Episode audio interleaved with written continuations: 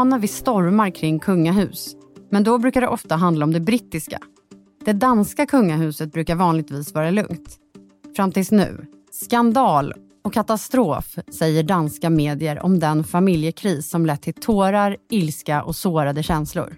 Varför är den yngste danske prinsen Joakim så arg?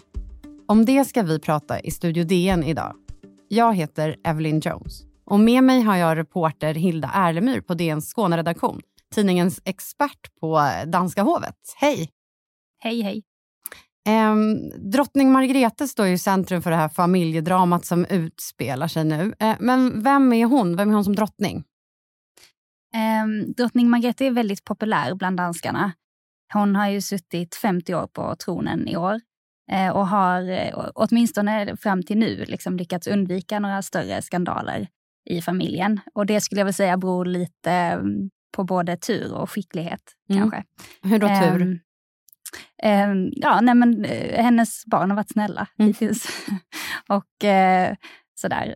Men hon, uh, hon är liksom en drottning som röker och eh, är, går väldigt mycket på teater och föreställningar och sådär. Hon är också själv väldigt konstnärlig person. Hon eh, gör scenografi till föreställningar. Varje torsdag så åker hon till sin ateljé och målar. Och, eh, och sen så är hon ju också en väldigt plikttrogen människa. Mm. Eh, och det är någonting som jag tror många danskar uppskattar med henne. Att hon liksom, hon är engagerad i sina plikter som regent. Och danskarna älskar henne? Ja, ja. de älskar henne. Ja. Men det finns ju några andra nyckelpersoner också i den här historien som nu har rullats upp. Vilka är det då? Eh, huvudpersonen får man säga är prins Joakim. Han är drottning Margretes yngste son. Eh, han är 53 år och jobbar som försvarsattaché vid den danska ambassaden i Paris. Ehm, han har en fru som heter Marie och sen så har han fyra barn. Ehm, han har eh, två barn med sin nuvarande fru Marie och sen så har han två barn eh, från ett tidigare äktenskap med grevinnan Alexandra. Och de här barnen är då mellan, vad kan man säga, mellan 10 och 23 år gamla. ungefär. Och Han säger själv att han är en ganska känslig person, eller hur? Precis, han beskriver sig som en känslosam människa. Mm. Men och nu då? Nu är han lite extra känslig kan man väl säga. Vad är det för beslut som eh, drottning Margrethe har tagit nu som har lett till de här stora reaktionerna? Eh, jo, men det var, det var så här att det kom ett pressmeddelande från hovet eh, den 28 september. Och Det var ett ganska överraskande pressmeddelande för många.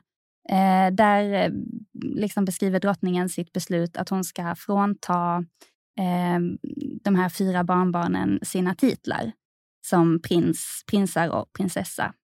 Eh, mm. Så istället ska de nu kallas grevar och kontess. Ehm, och det här ska gälla då från den 1 januari nästa år. Just det.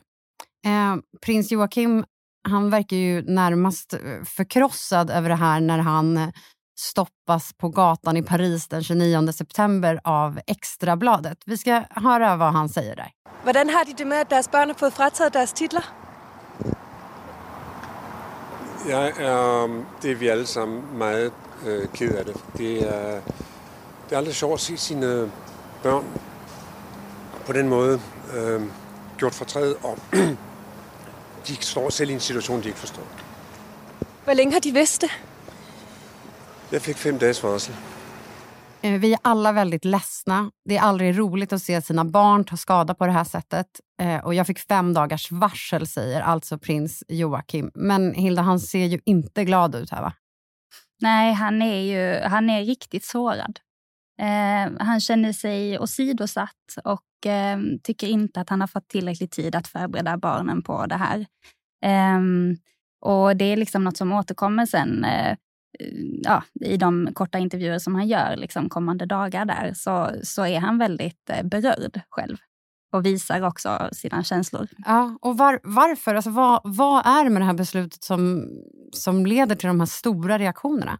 Nej, men det är ju liksom så att eh, det är ju ändå något fint såklart att vara prins och prinsessa. Mm. Eh, och eh, han menar att han inte har fått besked i god tid. Eh, hovet säger att han fick liksom besked redan i maj om att det här skulle hända. Mm. Men det menar han inte stämmer utan då säger han att eh, då var det sagt att, de, att det här skulle ske när barnen blir 25. Ehm, men nu är det ju så att hans yngsta dotter är 10 år eh, idag. Liksom. Men och förutom att det är liksom fint att vara prins och prinsessa, betyder det här någonting annat rent konkret för de här barnen? Eh, inte så mycket egentligen. Eh, ekonomiskt så kommer det inte liksom spela någon roll. För att redan 2016 så beslutade Margrethe att eh, den enda, det enda barnbarnet som kommer att få apanage är eh, den äldste, alltså han som kommer bli kronprins mm. Eh, sedermera, prins Christian. Eh, så att ekonomiskt spelar det ingen roll.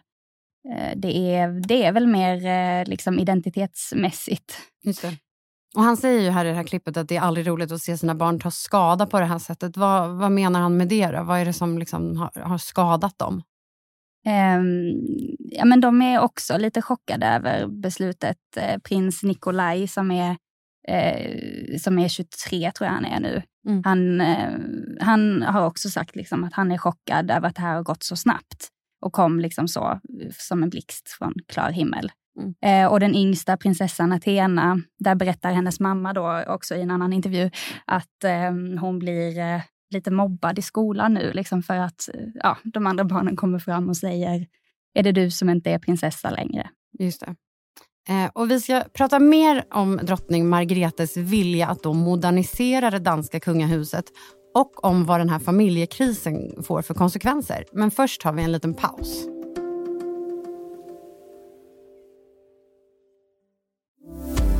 Studio DN idag om turerna i den familjekris som skakar Danmarks kungafamilj. Hilda Erlemyr som är med oss idag. Borde drottning Margrethe ha anat att hennes beslut om att ta bort sina barnbarns kungliga titlar skulle få så stora reaktioner? Ja, det borde hon ha anat. Mm. Hon, eh, det som alla är väldigt förvånade över i den här historien är att eh, att drottningen verkar ha förankrat det så himla dåligt. Att hon liksom inte har förberett eh, sin son och sina fyra barnbarn på det här.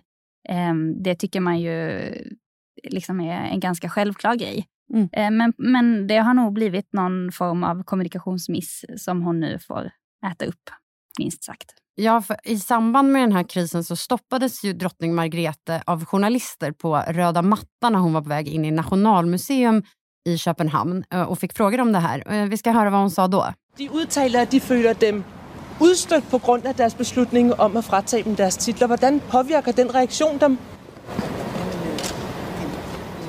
Hon får då alltså frågan från journalisten om hur det påverkar henne att beslutet fått fyra av hennes barnbarn att känna sig utstötta. Och Det är lite svårt att höra där vad drottningen säger, men hon verkar ju ganska tagen på sängen. Vad, vad är det vi ser här, Hilda? Ja, eh, precis. Det är svårt att höra vad hon säger för att hon inte själv riktigt vet vad hon ska säga. Hon säger mm. liksom, um, hmm, ja, eh, sådär. Eh, hon, eh, hon är inte riktigt beredd på frågan här. Det är liksom i ett väldigt tidigt skede eh, och hon har liksom inte, verkar inte ha blivit briefad över att eh, prins Joakim redan har hunnit reagera. Um, mm. Så att uh, hon vet inte riktigt vad hon ska säga. Men det verkar inte som att relationen då mellan prins Joakim och hans mamma, drottningen, då är jättebra där. Nej, eh, precis. Prins Joakim säger i någon av intervjuerna att han inte har haft kontakt med sin mor sen det här beslutet kom. Just det. Och han har också en ganska komplicerad relation till sin storebror, kronprinsen. Då. Men hur ser situationen i familjen ut nu? Ja, alltså länge har man ju liksom, har det verkat som att bröderna är ganska goda vänner och sådär. De har liksom eh, ja, eh, varit väldigt måna om att visa det utåt, att, att de har en bra relation och så. Men det är många liksom, journalister i Danmark och sådär som de senaste åren har börjat eh, säga att det kanske inte är så bra längre mellan bröderna. Mm. Eh, och det, I den här historien har kronprins Fredrik varit väldigt tyst. Han har inte liksom, velat blanda sig i. Alltså han har inte gått eh, ut och stöttat sin lillebror? Nej, liksom, eller så. nej. nej det har han inte gjort. Utan mm. han håller tyst och så får hans eh, mamma och bror sköta det här själva. Just det. Eh. Men, men sen efter Margrethe, då, det här klippet som vi eh, lyssnade på, eh, då, har de träffats efter det? Eh, ja, det har de gjort. ungefär en vecka efter att liksom, bråket briserade Eh, och prins Joakim var med i de här intervjuerna där han var ledsen och sådär. Eh, så träffades de på Fredensborgs slott på Nordsjälland. Ehm, och då, ehm, eh, de pratade inte så mycket efter det mötet, liksom, men det de skickade ut var att eh, nu har de liksom bestämt sig för att gå vidare och, eh, och sådär. Så nu är allting eh, bra igen, kan man säga. Kanske inte frid och fröjd, men, men man ska säga också att eh, liksom, innan de träffades så skickade drottningen faktiskt ut ett, ett pressmeddelande till och eh, bad om ursäkt, kan man säga. Hon eh, skrev där att hon inte hade liksom förstått hur berörd Joakim skulle bli och barnbarnen eh, hur ledsna de skulle bli över det här beslutet. Eh, och att hon, liksom, ja, hon bad faktiskt om ursäkt för det. Mm. Hon, hon eh, står ju fast vid sitt beslut, men eh, bad ändå om ursäkt för att hon, ja, det hade blivit lite dumt. Just det. Ehm, även det brittiska kungahuset har ju präglats av eh, familjedraman kan man säga under de senaste åren och där är det ju bröder som bråkar bland annat och komplicerade relationer i, inom familjen. Finns det några likheter? Man får väl säga att liksom danskarna har alltid kunnat titta på det brittiska kungahuset och säga och, och sagt liksom vad, vad stökigt de har det. Eh, så mm. mycket skandaler det har varit och liksom, eh, öppna bråk och sådär. Eh, danskarna har alltid liksom mycket mer, det har varit mycket mer stillsamt i det danska kungahuset, eh, får man säga. Men, men det är klart att nu nu liksom har man ju ändå blottat att det finns eh, viss splittring också i Danmark. Mm. Allt var inte så himla eh, fint som det verkade. kanske. Men, men drottning Margrethe är 82 år gammal och har suttit jättelänge på tronen. Eh, superpopulär. I det brittiska kungahuset dog nyligen drottning Elizabeth som hade suttit väldigt, väldigt länge på tronen och också var superpopulär. Um, där, I England undrar man ju nu, eller i Storbritannien undrar man ju nu om det brittiska kungahuset ens kan överleva alla de här familjekriserna och även då drottningens död. Men hur djup skulle du säga att den här krisen är i Danmark? Ja, men den såg ut att kunna bli ganska djup. Eh, det är många som har kallat det liksom en av de största kriserna på mm. många år eh, i Danmark, eh, i kungahuset. Då. Men eh, nu när, de, när drottningen och prins Joakim kanske ändå, när de har träffats liksom en gång, så eh, tar det ju ändå ner det lite. Det verkar som att de liksom konflikthanterar inom familjen nu.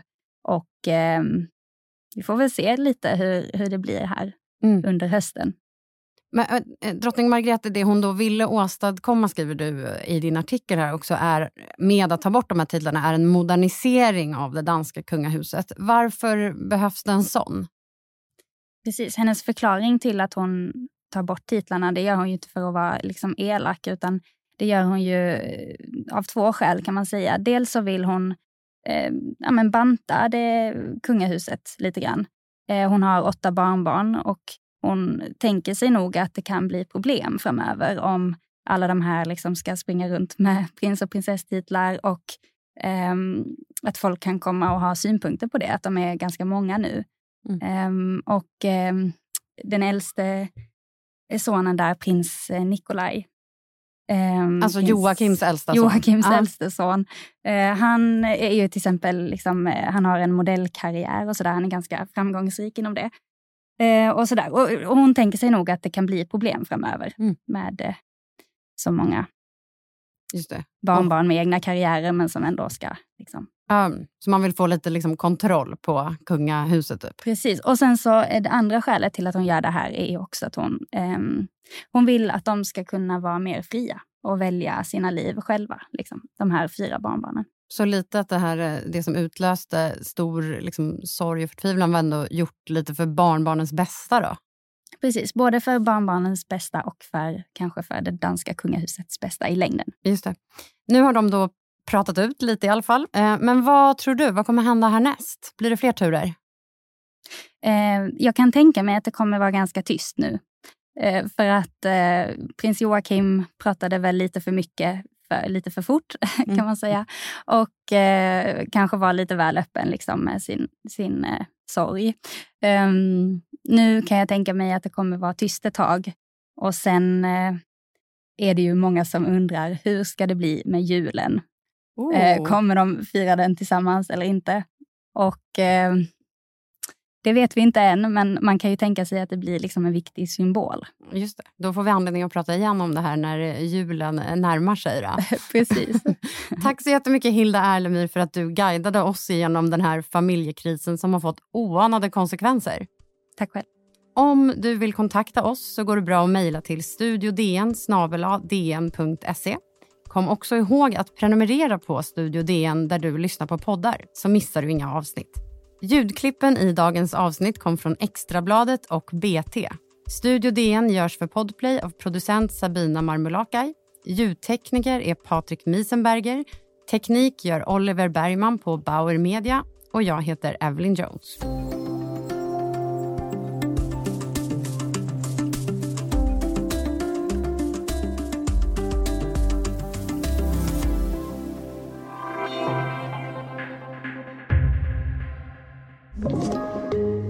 Play.